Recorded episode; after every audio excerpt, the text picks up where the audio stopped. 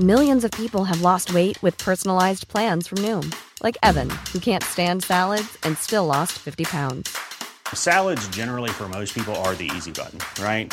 For me, that wasn't an option. I never really was a salad guy. That's just not who I am. But Noom worked for me.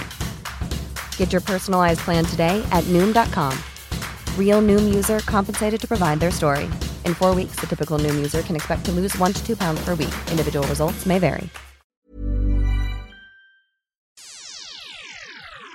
Thank you. Denne uken er det to år siden den knusende høyesterettsdommen falt i Fosen-saken. Men konflikten mellom reindyrsamene og de norske myndighetene er ennå ikke løst. I tiden fremover varsler aktivister flere sivile ulydighetsaksjoner. Er sivil ulydighet greit? Kulturminister Lubna Jaffrey er strålende fornøyd med sitt første kulturbudsjett. Aldri før har vi brukt mer skattepenger på kunst og kultur. Men er det noe å feire? Vi arrangerer for mange valg i Norge, skriver Eirik Løkke i Subjekt. Annethvert år oppfordrer vi nordmenn til å gå til urnene og stemme på et parti. Han mener at å slå sammen lokal- og stortingsvalget vil styrke både demokratiet og deltakelsen. Blir det for mange valg arrangert i Norge? Du hører på Etikk og estetikk. Podkasten er tilbake i sin femte sesong og andre episode. Produsent er Adrian Eriksen, researcher Peter André Hegg og programleder det er meg, Danby Choi.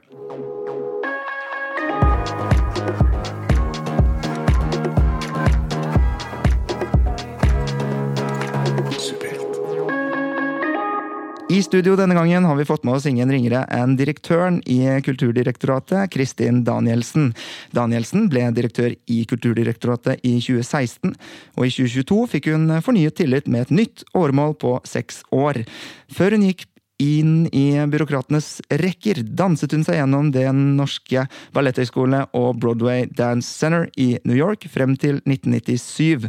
Siden har hun hatt en rekke toppstillinger i norsk kulturliv som administrerende direktør og leder av Black Box Teater, daglig leder for ny musikk og biblioteksjef ved Deichman bibliotek, før hun altså ble direktør i Kulturdirektoratet. Velkommen så mye til deg, Kristin Danielsen. Tusen takk. Var det stillingstittelen direktør du så for deg da du gikk på Balletthøgskolen? på ingen måte. Jeg tror ikke jeg visste at Kulturrådet fantes engang da jeg begynte på Balletthøgskolen, så svaret er nei. Hva var det du ville bli da? Jeg ville jo selvfølgelig bli danser. Det var jo det som var drømmen og tanken ved å søke en balletthøyskole. Og så etter hvert så ble jeg veldig glad i pedagogikk, for det hadde vi mye av. Og så kom jeg til New York og skjønte at her er det mange som vil det veldig mye mer enn meg. Og så fant jeg en annen rute. Fortell litt om din periode som utøver? Ja, min eh, korte og intense periode som utøver. Jeg er jo ikke av de som drømte om å bli danser da jeg var liten. Det begynte da jeg var 15. Jeg så Beat Street, den kultfilmen som jeg håper alle har sett. Hvis ikke så må dere bare se den. Altså Det var da alle mm. skulle begynne å breake? Ja. ja. Eh, og når du ser meg, så tenker du kanskje ikke på breakdance. Headspin men, tenker jeg med en gang. Ja, jeg ser ja. Takk, takk skal du ha. Det har skjedd i senere tid, med, ja. med litt ulykker etterpå. Men det var det som var jeg, ville, jeg skjønte plutselig at dans var et språk. At det var en måte å uttrykke seg på som jeg syntes var dødskult. Så prøvde jeg meg på breakdance. Det gikk veldig veldig dårlig. Så ble det jazzballett, og så ble det ballett, og så ble det litt av hvert. Oi, wow, du hørte det først i subjekt. Breakdance, det visste jeg ikke. Ballett visste jeg. Men uh, Kulturrådet delte seg i to og ble Kulturrådet og Kulturdirektoratet. Har endringen vært vellykket, syns du? Jeg tror vi undervurderte navneendringen i offentligheten, det skal jeg gjerne innrømme. fordi mm. For oss som hadde jobbet med det internt i nesten halvannet år før navneendringen skjedde, så var vi blitt vant til det. Men selve tydeliggjøringen av hva som er Kulturdirektoratet, som er da en fagetat under et departement, og som er en politisk styrt linje, og videreføringen av Kulturrådet, som har vært der siden 1965, og som jobber på armlengdes avstand, det har vært veldig viktig og riktig. Kan du fortelle en eh, femåring hva som er så viktig med den endringen, og å dele den i to? Skjønne forskjellen på hvilke beslutninger som tas i en politisk styrt linje, og hvilke beslutninger som tas av kollegiale organ på armlengdes avstand av den samme politikken. Ja, og hvorfor kan man ikke gjøre det i samme sted? Fordi det skal være en liten del av statsbudsjettet som fordeles av kunstnere og kunstspesialister uten at politikken legger føringer. Nettopp. Tanken er at politikere skal ikke få bestemme hvordan kunsten blir, liksom. Absolutt ikke. Nettopp. Og um, biblioteksjef ved Deichman, direktør i Kulturdirektoratet. Hva er egentlig det neste for en karrierekvinne som Kristin Danielsen? Har ikke peiling. det har jeg ikke tid til å tenke på engang. Den som lever, får se. Den som lever, får se. Og til høyre for Kristin Danielsen sitter stortingsrepresentant fra Frp, Himanshu Gulati. Gulati representerer Akershus og kom først inn på Stortinget som vararepresentant i 2009, før han fikk fast plass i Norges mektigste hus fra 2017. Eh, mellom 2012 og 2014 var han formann i Fremskrittspartiets Ungdom, eh, og med sin indiske familiebakgrunn ble han den første norske ungdomspartilederen med bakgrunn fra land utenfor Europa. Han har en utdannelse fra Handelshøyskolen BI, og har blitt eh, en frittalende politiker som har engasjert seg i saker som støtte til terrorofre etter IS, koranskoleutsendte fra Norge og bilister. Gulati var statssekretær i Kulturdepartementet fra 2016 til 2017. I tillegg satt han i familie- og kulturkomiteen på Stortinget i 2020 og 2021. Velkommen til Etikk og estetikk. Tusen takk, en ære å være her. Du, du var altså det var altså FPU og ikke SU, RU eller AUF som hadde den første ungdomspartilederen med bakgrunn fra land utenfor Europa. Eh, Frp er vel også første, det partiet, første partiet som har en transperson i, på Stortinget. Eh, er, hvordan har det seg? Er ikke Frp et sånt eh, innvandringshatende transfobisk parti? Det viser jo at uh, disse fordommene ikke eh, alltid stemmer, men det viser jo også at uh, Frp og FPU-miljøet er et genuint liberalistisk miljø, hvor uh, individualister får lov å, å, å, skinne, og hvor det er på at det er ens egne meritter, men også det at man, man så, som gjelder, men også det at man genuint har et veldig åpent sinn for individualister.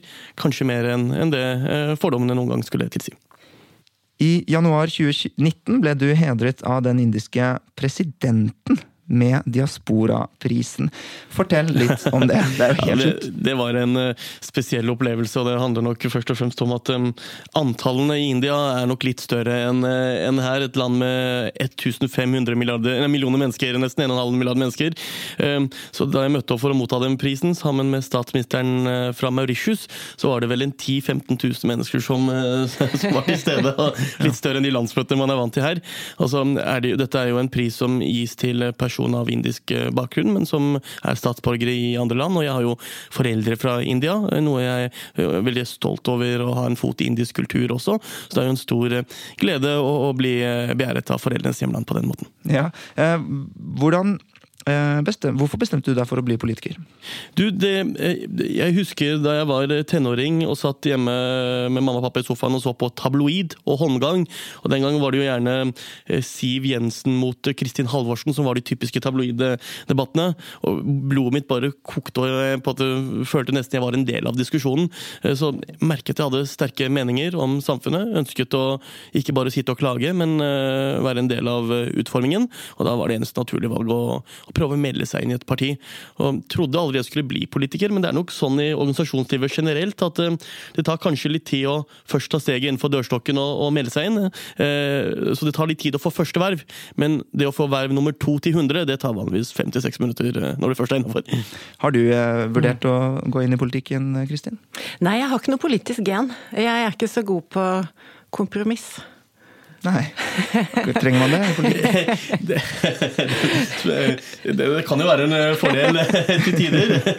Men, eh, men det som eh, jeg synes, Jeg blir jo forbundet med politikken når jeg reiser rundt, og det er jo ikke så rart. Men jeg syns også det er litt dumt å kun bli identifisert og på en måte stemplet som politiker. Dette subjektet er jo en kulturavis. Jeg er veldig, føler jeg er et kreativt menneske med meninger om mye annet. Hun nevnte jo noen av de tingene jeg har vært gæren nok til å engasjere meg i. Hjelpe ei jente hjem fra koranskole i, Afrika, være med i, i, aksjoner, andre ting. Jeg har også laget en film, gått på filmskole. Så vi mennesker er jo så mye mer enn kanskje den tittelen eller den karrieren vi blir eh, ja. forbundet eh, med. Så det at man er engasjert, eh, kan tas ut på flere måter enn å kunne være politiker. Jeg heier veldig på politikere, altså jeg må forte meg å si det. Og i hvert fall hvis det er på valgdeltakelse og demokratiet, så trenger vi at folk engasjerer seg i politikk. Så jeg heier veldig på det. Men det var aldri det som ble for meg. Og nå er jeg blitt en fagnerd, så tenker jeg at det får bli min nisje, da. Med armlengdes avstand til politikerkarrieren, altså. Mm -hmm. Jeg heter Sofie Elise, og du hører på Etikk og estetikk, en podkast fra Subjekt.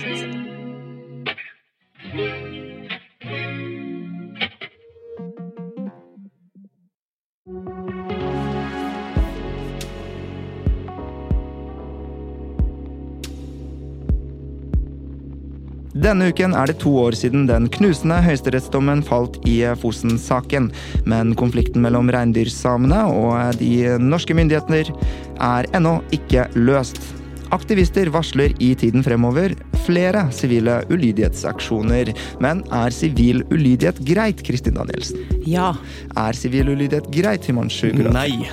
Ok, da begynner vi hos uh, deg. Uh, en byråkrat som mener man kan bryte regler, altså? Ja, av og til så er sivil ulydighet helt nødvendig. Uh, og vi har jo sett opp gjennom historien at sivil ulydighet er jo det som har endret historie brutt helt håpløse lover, påvirket politikere til å skape en bedre verden. Eh, og vi har veldig mange gode eksempler på det. Det er jo ikke sånn at en byråkrat heier på at man skal bryte reglene, men det finnes jo noen prinsipper for hva sivil ulydighet skal være. At det skal være politisk. Det skal være knyttet til én sak. Dette er ikke oppvigleri eller revolusjon. Det skal være én sak hvor man har prøvd alt annet. Mm. Og når det ikke går, så er sivil ulydighet siste skanse.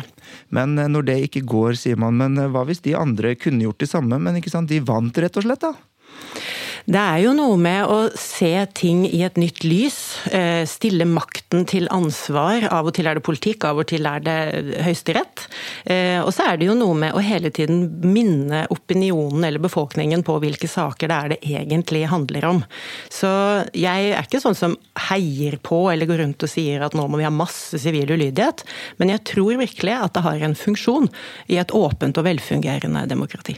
Himanshu Gulati, du sier eh, nei, og det er litt uh, merkelig nesten, fordi her har vi jo altså vi snakker jo om saken, da, og hvor Høyesterett slo fast for to år siden at vindturbinene på Fosen er et brudd på menneskerettighetene til reindriftssamene. Det har gått to år, still counting, men turbinene står fortsatt og er i drift. Er det ikke egentlig staten som driver med sivil ulydighet her? La, la, meg først begynne med å si hvorfor jeg sa nei på spørsmålet. Ja. Og det er at uh, Hvis man tillater sivil uh, ulydighet som en på en allment akseptert måte å demonstrere på, så sier man jo at noen egentlig skal få andre spilleregler og andre mm. regler regler i det demokratiske samfunnet enn alle andre må forholde oss til. Vi har demokratiske institusjoner, vi har korrekte måter å få frem saken sin på, og det må gjelde alle. Og Så kommer man til selve eh, saken, fordi eh, dette med sivil ulydighet gjelder jo litt uavhengig av, av eh, sak. Og Jeg skal innrømme jeg er ikke noe ekspert på den dommen som falt i Fosen-saken, men så vidt jeg har eh, forstått, så er det ikke sånn at den dommen automatisk betyr at man skal rive eh, vindturbiner på, på Fosen.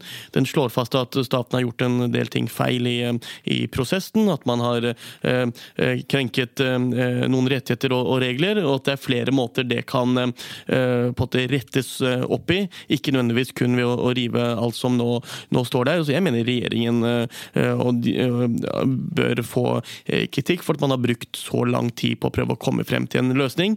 og den kritikken, kritikken er berettiget, men likevel så må vi la, la de komme med løsningen. og, og, og det å eh, gjøre det vi har sett de siste dagene, det at man kommer inn i Stortinget, nekter å forlate eh, joiker og, og, og, synger mens eh, det pågår debatter i landets nasjonalforsamling. Og, og det var jo en litt dårlig valgt dag òg, etter min mening, når det statsministeren var i salen for, var å rede for den farlige situasjonen i Midtøsten. Men, når man oppfører seg på den måten, så er det nokså respektløst. Vi har sett det flere ganger, både i ulike departementer, senest i, i dag i Finansdepartementet, hvis jeg ikke tar feil, at man prøver å stoppe arbeidet der. Fosen er altså et sted nordvest for eh, Trondheim, eh, hvor reindriftssamer eh, tradisjonelt har drevet med sitt. Og så begynte altså norske myndigheter å bygge et kraftverk her, og det er det vi snakker om. Og Ella Maria Marie Hætta Isaksen med Greta Thunberg, og det er ganske store navn. og De lyttes til i mediene. De setter virkelig mm. dagsorden med disse sivile ulydighetsaksjonene. Det er jo egentlig nesten bare å gratulere med. Og men de krever disse eh, kraftverkene revet. Og når man hører at det er en høyesterettsdom bak det, og sånn, så har man jo lyst til å bare si ja, selvfølgelig skal det være sånn. Men når du også da skjønner etterpå at prislappen var 5,8 milliarder kroner, hva tenker du da? Skal man i en situasjon som nå rive disse?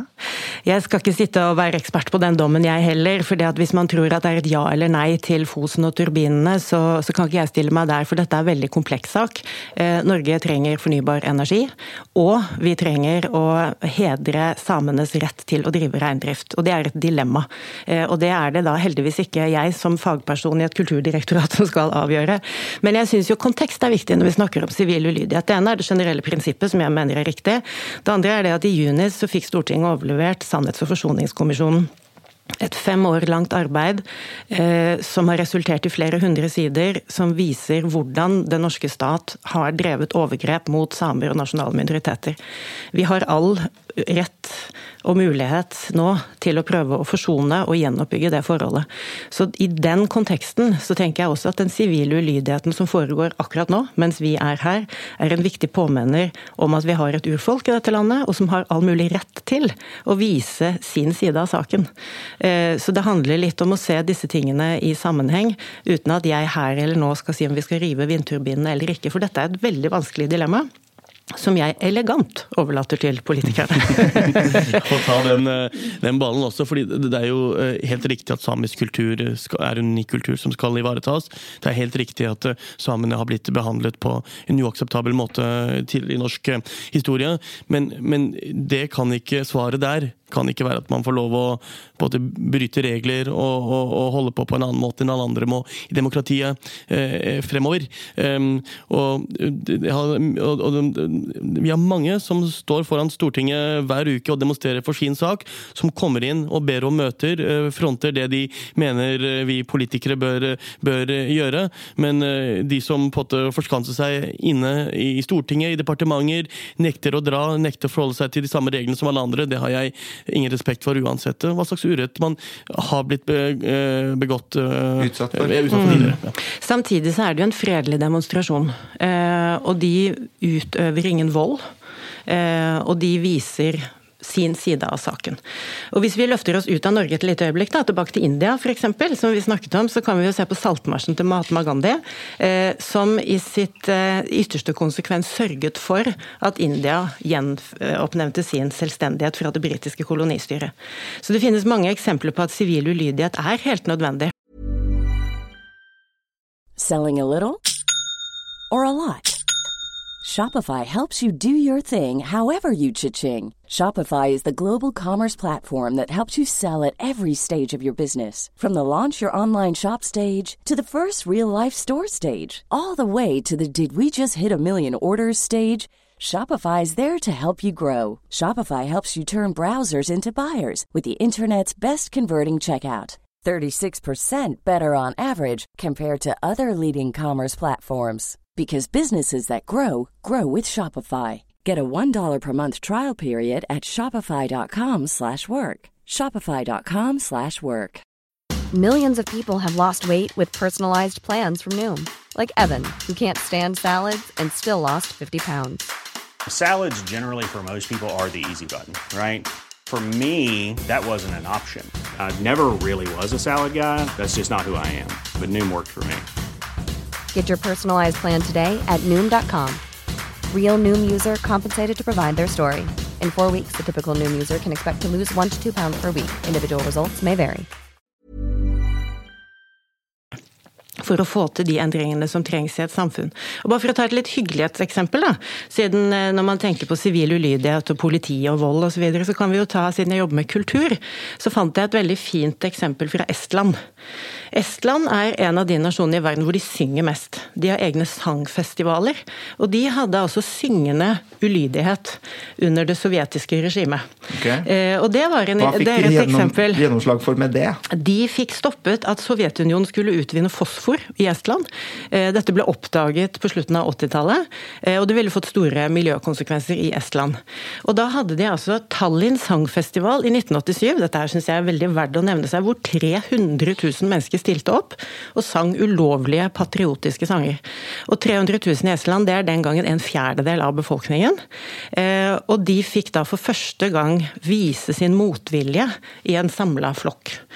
Og så ble det jo fri fra Sovjetunionen, og vi kjenner jo historien til de baltiske landene. Og på 50-årsdagen til invasjonen av, eh, altså etableringen av Sovjetunionen, så lagde man en menneskelig lenke med to millioner mennesker på tvers av de baltiske landene som sang. Så jeg bare vil slå et slag for at sivil ulydighet gjort da med et politisk det, syfte. Hvordan var det eh, sivilt uh, ulydig å synge? De sang ulovlige sanger. Oh, ja. de, de, sang et budskap som var forbudt i Sovjetunionen. Ja. De tok frem de gamle patriotiske sangene som handlet om sin identitet og sin kultur osv. Men fra fosforsaken til Fosen-saken. Altså, Her så ser vi faktisk at um, Jeg beklager at jeg ikke stilte det åpne spørsmålet i stad, men nå stiller jeg det lukkede, eller det smalere som du må svare på. Altså, Her har jo en høyesterettsdom slått fast at Norge og norske myndigheter bryter menneskerettighetene. Um, burde man ikke se det litt sånn forholdsmessig uh, opp mot den enkelte sak? Ikke sant? I noen tilfeller så kan det kanskje være greiere enn andre, liksom, men du tenker prinsipielt på det, eller? Ja, altså, når det gjelder denne saken konkret, så, så har du helt rett. Høyesterett har uh, ugyldiggjort uh, konsesjonsvedtak, og det må regjeringen følge opp på, uh, på, en eller annen måte. Og det som er så vanskelig med det, er liksom Man vil ikke svare ja eller nei her på å rive det, men for samene så er det jo et ja ja-nei-spørsmål. Og det er det for politikere nå. Skal de stå eller ikke? Men Så vidt jeg oppfatter Høyesterett, så, så, er ikke svaret entydig at man trenger å, å rive uh, disse vindmøllene. Mm. Det kan også være andre kompenserende tiltak for å hjelpe disse seks familiene som da driver med uh, reindyrsbeite um, der. Og, og, og, jeg vil også Jeg er enig i mye av det Kristin sier. Ser man historisk, så har sivil ulydighet vært viktig i en rekke kamper, spesielt for sivile rettigheter i USA, mm. for afroamerikanernes rettigheter. Også mange steder under kolonitiden. Men, men, en felles betegnelse den gang var jo at det var, system, eh, det var styrer med systematisk eh, både undertrykkelse av mm. deler av eh, befolkningen. Heldigvis så er vi ikke der lenger i, i, i vårt land og, og, vår del av, av, verden. Og da må vi også legge til grunn at det er noenlunde like spilleregler for alle. Noen av disse vil nok mene at det er systematisk undertrykkelse, men da mener du de tar feil? Da mener jeg de tar feil, selv om et vedtak er gjort eh, feil i dagens Norge, og det gjøres overfor mange, dessverre. Um, I enkelte saker så har vi verken eh, undertrykkelse eller forskjellsbehandling av samer eh, eller andre minoriteter i Norge i dag. Heldigvis. Nettopp. Og for de som lurte på hvorfor Greta Thunberg var i Oslo, så var det altså for å støtte Ella Marie Hætta Isaksen, som onsdag formiddag etablerte seg i Stortingets vandrehall i protest mot vindturbinene på Fosen. De flyttet seg ikke frivillig og måtte bli båret ut. Torsdag formiddag flyttet flyttet de seg eh, omsider til statskraftskontorer Statskrafts kontorer da, og eh, fortsatte demonstrasjonen der. Aksjonistene lenket seg fast og blokkerte alle inngangene til Statkraft. Og Da får jeg litt lyst til å snakke om den derre bloomingen av hærverk på kunst og kultur i museet, Kristin. Denne saken må jo du synes er ganske vanskelig å ta stilling i. Eller? Nå er jeg ikke med deg, faktisk. Husker altså, du alle de som, eh, de som klimaaktivistene ja. som kaster mat og tomatsuppe på malerier? Ja, altså Sivil ulydighet er jeg mm, generelt en tilhenger av, men hærverk er jeg ikke for. Nei. Nei. Og jeg mener det er hærverk å eh, skade kunstverk i et offentlig rom. Og, der er jeg naturlig nok helt, eh, helt enig. Men tror du de vinner større oppslutning gjennom sånne aksjoner? Jeg, jeg, tror ikke det. og Vi har også sett eh, at fotballkamper og andre idrettsarrangementer blir avbrutt fordi folk løper på banen. Og, og, og, Poenget mitt er jo litt også at tillater man sivil ulydighet, så er jo grensen ganske flytende for når det går eh, over i den type eh, aktiviteter eh, også. og Derfor mener jeg at man må ha en prinsipiell linje her. Eh, det er eh, forkastet, syns jeg, at man destruerer og ødelegger, vandaliserer eh, kulturverk, kunstverk, andres private eiendom. Og så mener jeg også at det er en form for pøbelstrekkeri som ikke beveger verden noe i riktig retning. Jeg respekterer det engasjementet mange har for ulike saker, enten det er klimasaken eller, eller andre saker de demonstrerer for, men, men gjør da for pokkers skyld en ordentlig forskjell. Involver deg, støtt de som driver med innovasjon organisasjon, de som gjør noe som faktisk gjør en forskjell. Dette er jo mer stunt og andre ting for å få presseoppslaget, til min mening. Yo! Det er Uge Marstein eh, her, fra Undergrunn Klikk. Du hører på Etikk og estetikk av Subjekt. You know the shit.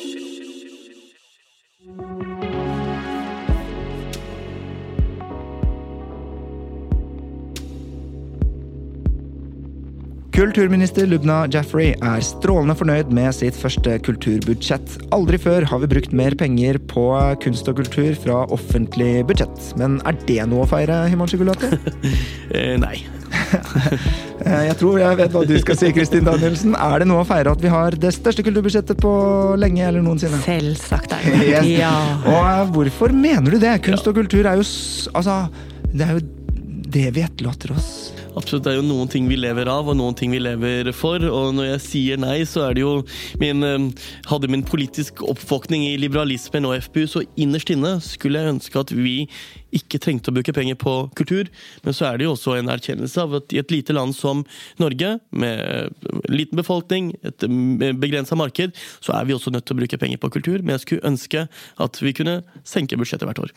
Men uh, hvorfor det, hvis du er glad i kunst og kultur? Fordi det handler om to ting. Det ene er jo prinsippet om at eh, kulturen skal være så langt unna politikere og styrende myndigheter som mulig.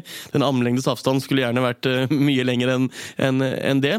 Eh, Og så Det andre handler om at eh, jeg skulle ønske at mer av kulturlivet kunne stå på egne ben og ha en større næringstenkning. Og at vi utnyttet også kulturens potensial som eh, eh, næringsområde mye mer enn det vi gjør Men hvis alle disse kunstnerne skal tenke på å tjene penger, får vi ikke veldig sånn tannløs kunst og kultur av det?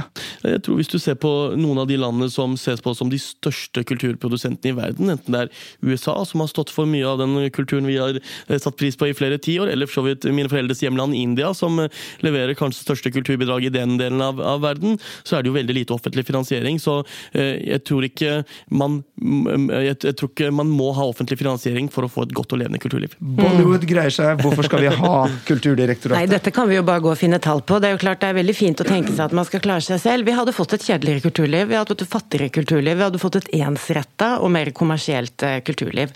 Og det her vet vi, fordi at eh, Norge på 30-tallet, før vi fikk etablert bl.a. Kulturrådet og innkjøpsordningen for litteratur, så var det kulturkrise. Så det er bare å dra tilbake i historien, eh, Himanshu, så ser du at eh, din tese funker bare ikke. Vi får ikke det til som du tror, og selv om USA har hatt en strålende eh, altså kulturindustri i mange mange år, så kan du tenke deg hva de hadde hatt hvis de hadde hatt mer offentlig støtte, så hadde det vært enda mer. Men la oss dvele litt på den kulturkrisen, for jeg syns det her er interessant. Jeg tenker jo at det er vår jobb å fortelle litt om effekten av de investeringene som vi gjør i, i kultur. For det er jo klart, det, i 1930-40 så var det altså umulig å gi ut en bok på norsk. Eh, De norske forlagene de importerte da britiske og oversatte de og distribuerte de til de som hadde penger til å kjøpe. Eh, Og så tenker man jo at ja ja, men da var det vel sånn det ble. Men vi er et lite land, et lite språkområde. Vi har mange språk som skal ivaretas. Eh, Og innkjøpsordningene som ble etablert da, sammen med biblioteksdistribusjonen, er jo en kjempesuksess. Jeg tror ikke vi hadde hatt eh, Jon Fosse som eh, vinner av Nobelprisen i litteratur. Han har selv sagt til meg en gang at han er ikke opptatt av formidling. Han skriver på nynorsk og bor i Bergen. Uten gode infrastrukturer for å løfte de stemmene som ikke kommer i det kommersielle løpet som du legger opp til, det er jo det som er kulturpolitikkens hovedformål. Og det at man skal vise kultur kunstneriske og estetiske uttrykk for alle de som bor i dette landet. Kristin Danielsen, det er jo det som er poenget. Mener du at jeg eh, Jeg syns jeg var veldig godt i gang, ja. Vil du høre litt mer om eh, Jo, det var du. Men eh, jeg må bare mm, stille noen spørsmål underveis også. Altså, I en svensk rapport, Kulturanalys, så kom det frem at 50% av norsk-svenske svenske kunstnere tilpasser seg politiske signaler. Det vil si at når du sier 'klima er viktig', eller når, eh, når eh, no, noen kulturbyråkrater sier 'bærekraft er viktig', eh, 'mangfold er viktig', så begynner søknaden å handle om klima, bærekraft og mangfold. Det Søknadene dere i Kulturrådet de, de under dere får, handler plutselig om de politiske signalene. Jeg syns du armlengdes avstand er oppskrytt?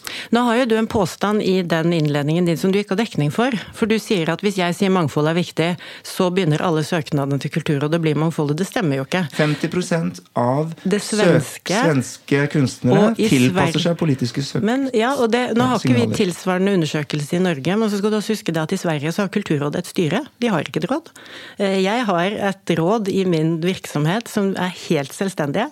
Eh, De fatter de beslutningene, så jeg kan egentlig si mye rart, jeg. Og så vil jo kunstnerne søke om det de har behov for å produsere, og så er det rådet som fatter beslutningene. Så jeg tror strukturen vår er bedre. Når det er sagt, så skal jeg selvfølgelig ikke være helt naiv.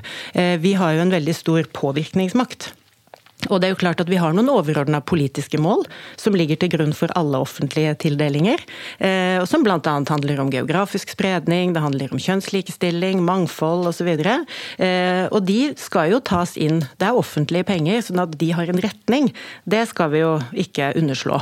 For hvis du skal ha 100% fri kunst, så uten noen som helst føringer eller noen tanker, det, det er en vanskelig tanke.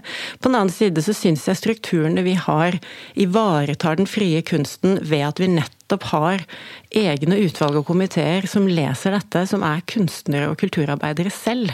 Eh, Og det mener jeg ivaretar mye av dette. Og så må vi huske en ting til, og det kan godt tenkes at vi burde ha en tilsvarende analyse i Norge, for dette må vi jo følge med på. Vi har god offentlig subsidiering av kunst og kultur i Norge, og det skal vi være veldig glad for. Det håper jeg vi kan snakke mer om nå her. Men jeg tenker også at vi må følge med på dette hele tiden, for vi er jo normative i det vi sier. Så vi må jo også sørge for at, eh, å følge med på at det som skapes er fritt. Eh, Og så må vi huske at i der hvor de store pengene i kulturbudsjettet går, det er jo da ikke til Kulturrådet, dessverre.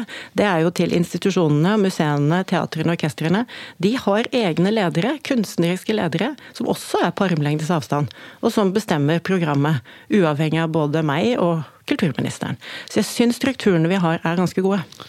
Jeg pleier å si at i Norge så er staten alles mor, fordi vi, vi lever generelt altfor mye på staten alle mann, uansett hva vi driver eh, med. Og, og, så, og selv om eh, Kristin har rett at man har noen mekanismer som skal prøve å, å sikre armlengdes avstand, så kommer man ikke bort ifra det også du er inne på, eh, Nambi, at så lenge man har offentlig finansiering, så vil det være en, en viss tilpasning. Ikke bare i kultursektoren, men det ser vi også på andre områder. Og, og som jeg sa, at jeg skulle ønske at vi slapp å bruke offentlige penger på kultur, som i dag, men um, realitetene er jo sånn at i Norge er man nødt til å gjøre det. Men da mener jeg jo at de pengene heller bør kanaliseres på en måte som på til level the playing field. At man um, sikter det inn mot barn og unge, mot uh, frivillighet, mot um, anlegg, uh, slik at alle får like muligheter, og i mindre grad på det som uh, på en er uh, lønn og, ja. lønn og, og, og andre ting som også i mindre grad også eh, krever eh, leveranser. Så vi er nødt til å bruke penger på kultur i Norge, selv om jeg eh, liberalistisk sett skulle ønske noe annet. Men eh, da må også innretningen eh, være noe som retter seg mer mot bredden, og ikke minst barn og unge. Kulturdirektoratet og Kulturrådet forvalter vel en million, nei, milliard i året. Eh, Kulturrådet forvalter en milliard. ja. og disse deler de ut eh, på bakgrunn av kunstnerisk kvalitetskriterier. Hva er det?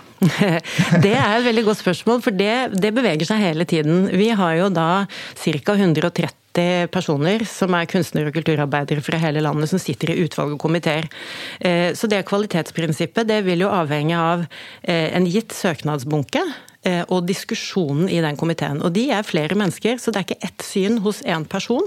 Og de skiftes ut annethvert år. Så dette er veldig dynamisk. Så det fins ikke ett svar på hva kunstnerisk kvalitet er. Det er alltid avhengig av sammenheng.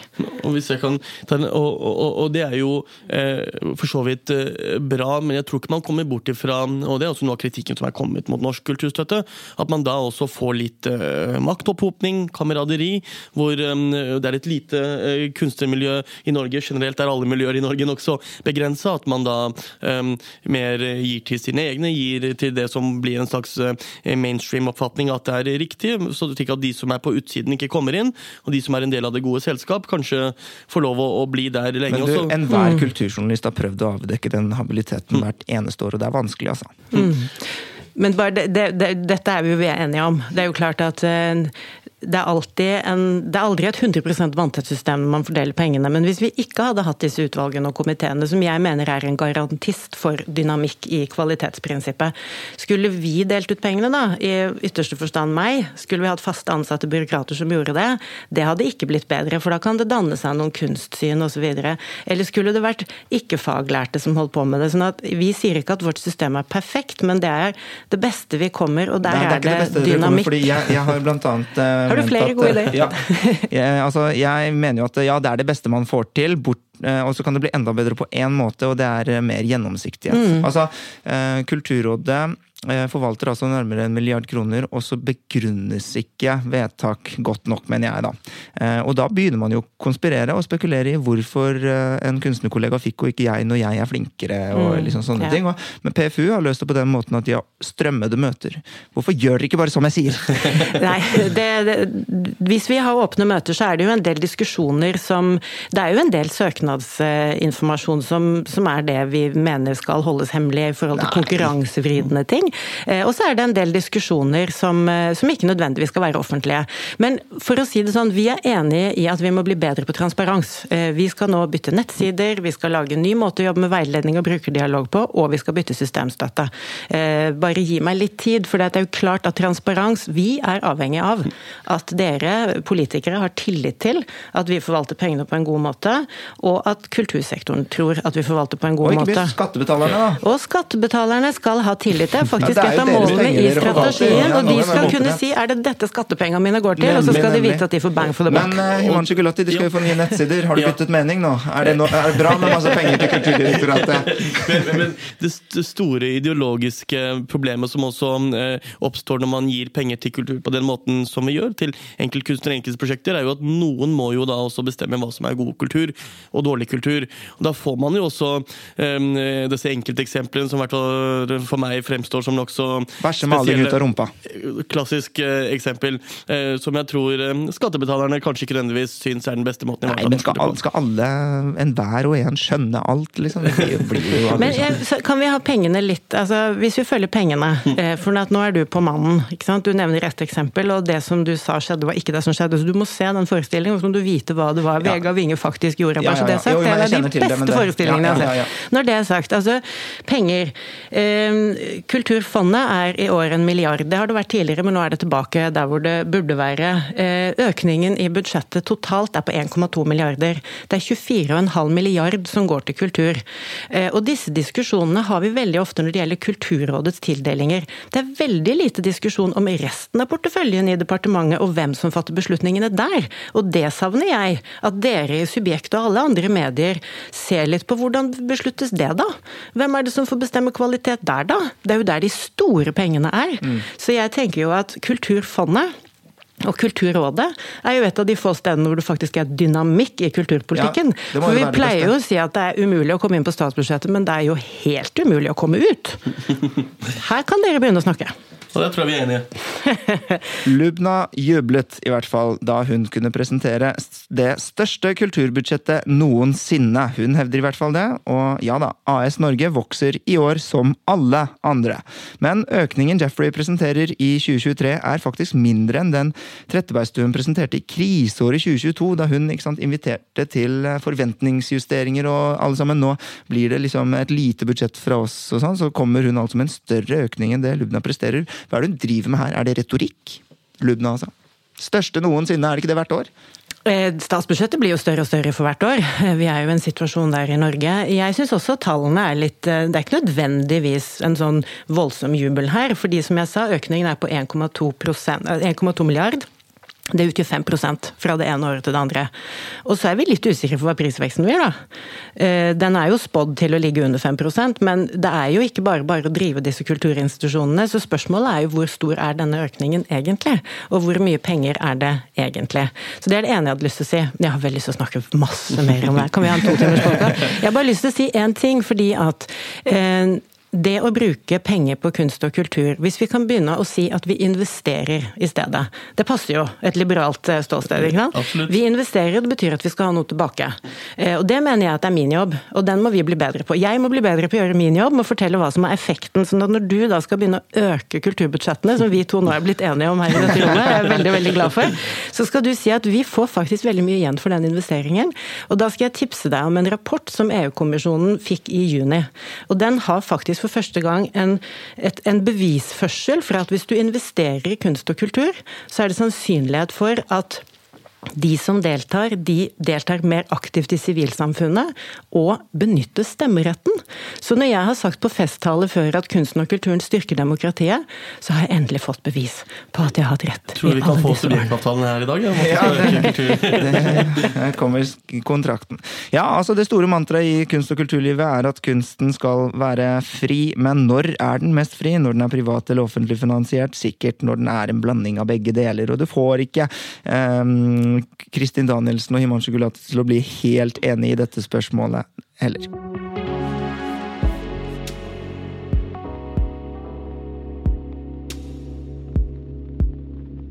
Vi arrangerer for mange valg i Norge, skriver Eirik Løkke i Subjekt.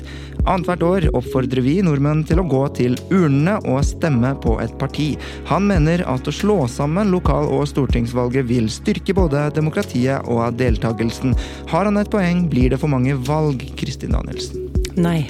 Blir det for mange valg i Marsjegulati? Ja. Oi, wow! Ja, altså eh, Hvorfor mener du det? Jeg skjønner veldig godt argumentasjonen. Jeg har sittet og lest veldig mye om akkurat det nå i dag. Diskutert med min 16-åring og 18-åring. Eh, to ting. Eh, det ene er jo at ja, det er bekymringsverdig at valgdeltakelsen går ned. Den gikk ned 2,5% ved dette lokalvalget, og det vil si at faktisk så er det én av fire som ikke stemmer. Det, det er ikke bra nok. Og, og dessverre så ser det jo ut til at det er også de unge som stemmer mindre, særlig i alderen 20 til 24. Eh, så derfor så skjønner jeg argumentasjonen for at vi vil ha valgdeltakelsen opp. Når det er sagt, så er det jo nettopp i en ung persons liv, så er fire år ganske lenge. Det skjer også veldig mye i politikken lokalt og nasjonalt på fire år. Og jeg er veldig redd for at vi går glipp av den utviklingen, og at vi også går glipp av bevegelsen hos de unge velgerne. For de som har aller høyest valgdeltakelse, det er de som er over 79. Nei, unnskyld, de som er 67 til 69. De bestemte seg for 30 år siden hva de skal stemme, så der er det ingen dynamikk. Mens hos de som er 20 til 24, så hva vet jeg, kanskje ombestemmer de seg litt sånn en gang i uka. Vi må ha med oss den bevegelsen. Det er den ene delen. Det andre er det lokale perspektivet. En av suksessfaktorene til Norge er jo at vi har et sterkt lokaldemokrati. Eh, og et lokalvalg sørger jo for særlig fokus på lokale saker. Det er plass til eh, flere stemmer og enkeltpartier. Det er sikkert pain in the ass i politikken sånn for dere store partier, men samtidig du får frem de lokale interessene. Jeg er litt redd for at det kan gå tapt.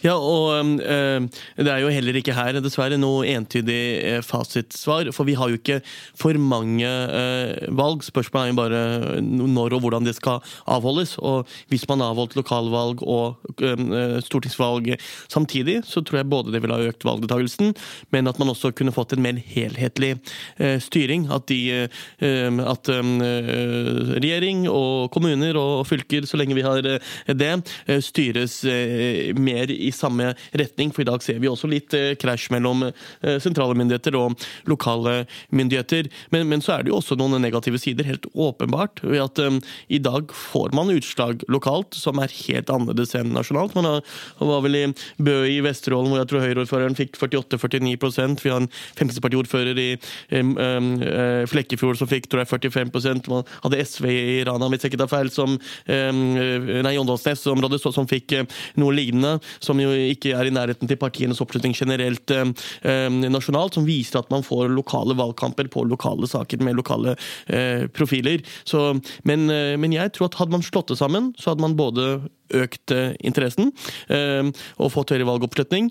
Eh, debatten vi kanskje heller bør ha, er jo om vi bør ha mer direkte demokrati gjennom folkeavstemninger på enkelte saker, og om vi kan revitalisere eh, demokratiet og gjøre folk involvert og engasjert på en annen måte enn det vi klarer i dag. Men Er det ikke litt mer i retning av direkte demokrati å ha valg annethvert år og skille mellom nasjonalt og, Mm. Og kanskje slippe disse håpløse folkeavstemningene vi har sett de siste årene som går helt bananas. Ja, men det er jo, det er jo tross alt folk som er innbyggerne som er sjefen til slutt. Så hvis man mener alvor med det, og man er bekymret for at engasjement og deltakelse i demokratiet går ned, så får man heller prøve å gi folk ansvar og mulighet på en annen måte. Men er det ikke det vi Jeg tenker jo at det er det vi gjør. Jeg tror vi er faktisk, altså Det er vi faktisk enige om. Altså Det er folk som bestemmer. Eh, og det er lett, det å ha et aktivt demokrati hvor folk deltar og bruker stemmeretten, det er det viktigste. Så jeg tror det aller viktigste er jo å få opp stemme, altså deltakelsen i valgene. Nå har vi jo nettopp lært at eh, nå som dere skal begynne å investere så mye i kultur, så kommer jo folk til å løpe til valgurnene. Så det er jo vakkert. Men i tillegg til det ja, nei, det er jo eh, Man kan sikkert alltid teste ut noe sånt, men, men jeg tror virkelig Jeg tror dette her med um, alder og tid, det har veldig mye å si. Så jeg vil jo heller slå et slag for at vi jobber med hvordan disse valgene skal gjennomføres, uh, og hvordan man kan se da det nasjonale og det lokale i sammenheng. Og så er det jo ganske spennende da, at det er jo ofte i byene at du ser hva som skal skje i en nasjon. Uh, både i Norge og i andre land. Så hvis du følger med på valgene i de store byene, så er det ofte et frampeik til hvordan det kan gå uh, når det kommer et nasjonalt valg de senere årene. Og så er det jo veldig gøy med skolevalgene. Hva, hva, som, hva, skjer hos de unge menneskene? Det er jo det jeg mener vi må ha blikk på. Jeg ser for meg hva som hadde skjedd med oss i media, bare for å være litt navlebeskuende, om det var færre valg, og ikke minst nasjonale og lokalt sammen. Altså, Det er jo en kamp om, om oppmerksomheten. Mm. Vi blir nok mer informerte av at eh, nå kan vi kun fokusere på lokalvalg og de sakene som er viktige lokale og sånn, en, en, en, periode. Og så nasjonal eh, Tror du Tror du vi får eh, like opplyste valg av å gjøre det sammenslått? Den åpenbare faren vil jo være at uh, den nasjonale politikken vil kunne overskygge lokale saker mm. og lokale politikerne i, i, større grad. og Derfor er det jo heller ingen eh, åpenbare fasitsvar her. Men vi ser en utfordring med eh, mindre engasjement, og da er dette et av svarene. Men en diskusjon vi også må ta på et tidspunkt, det er jo om i dagens digitale og etter hvert mye sikre digitale verden, om måten man stemmer på også kan, eh, kan, endres. I fremtiden tror jeg ikke vi møter opp i et valglokale eh, og setter av en god stund eh, på det, slik at man kan være mer aktivt deltakende og besluttende fra der man sitter. Vi tar debatten. I en digital tid burde vi gjøre det mer digitalt og mer derav mer tilgjengelig, på en måte.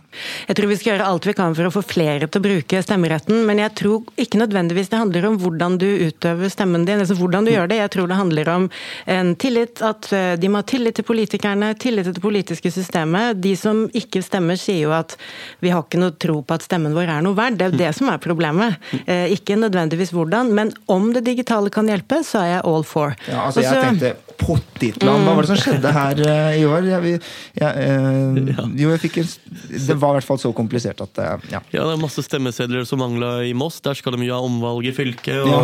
også i nord. Du bare har glemt noen sedler på bakrommet. Sånn kan vi ikke holde på. Og så får vi jo vurdere hvor gamle man skal være før man får lov til å stemme, da. For det er jo også en ting. Hvis du blir 18 nå, og så blir du 18 det året det er fire år til neste valg. Eh, vi må jo oppdra alle de 18-åringene at det å stemme, det er en del Vet du hva jeg syns? Vi skal se til Australia. Der er det faktisk obligatorisk å stemme. Det er ganske interessant. Oi. Blir det økt skatt hvis du ikke stemmer, eller er det noen annen måte? Nei, du kan, stemme, du må stemme. Du kan stemme blankt, ja. men du må stemme. Og hvis man følger med på hvordan det har utviklet seg, så er det jo klart eh, Da får du jo alle med. Hm. Wow! Går det an å få alle med gjennom å tvinge dem, altså? Jeg syns bare det er en interessant modell. Jeg kaster den ut her. Ja, det, til en stortingsrepresentant. Ja, det, det, er på en måte fint tenkt autoritarianisme, på en måte. Fordi du kan stemme meg ut av um, eh, min, mitt verv, men du må stemme. Og det er på en måte den eneste obligatoriske greia jeg kanskje kan støtte litt. Men uh, når du sier eh, at vi kanskje har for mange valg, er det sånn at vi kanskje skulle hatt uh, når vi først begynner, fem-seks år imellom. I forbildelandet Kina nei da, så er det vel, er det vel fem, fem, år. I Nord-Korea har det vært 100 år eller noe sånt. Femtiårsperspektiv, kanskje? Nei, nei, nei, jeg tror nok fireårsperioden eh, ja, fungerer bra. Ja. Spørsmålet er jo om eh, vi med valg annethvert år eh, får for mye fokus på valg, om det også gjør at folk blir litt, litt, litt lei. Mm. Mm. Med det så skal vi takke for i dag, og til direktør i Kulturdirektoratet Kristin Danielsen. Takk for at jeg fikk være med. Og Himanshu Gulati. Takk for at jeg fikk være med. For besøket. Du hører på Etikk og Askeri!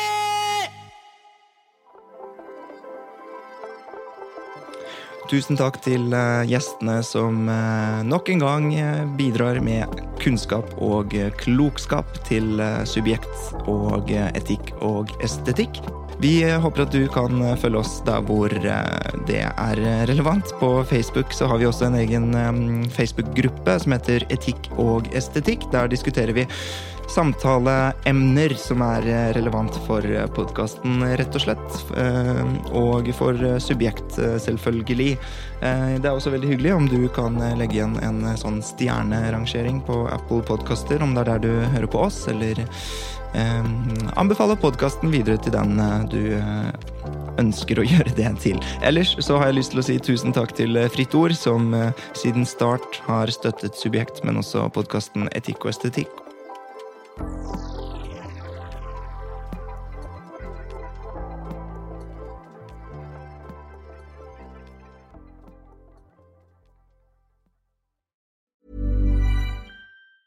Hey, it's Danny Pellegrino from Everything Iconic. Ready to upgrade your style game without blowing your budget? Check out Quince. They've got all the good stuff shirts and polos, activewear, and fine leather goods, all at 50 to 80% less than other high end brands. And the best part? They're all about safe, ethical, and responsible manufacturing. Get that luxury vibe without the luxury price tag. Hit up quince.com slash upgrade for free shipping and 365 day returns on your next order. That's quince.com slash upgrade.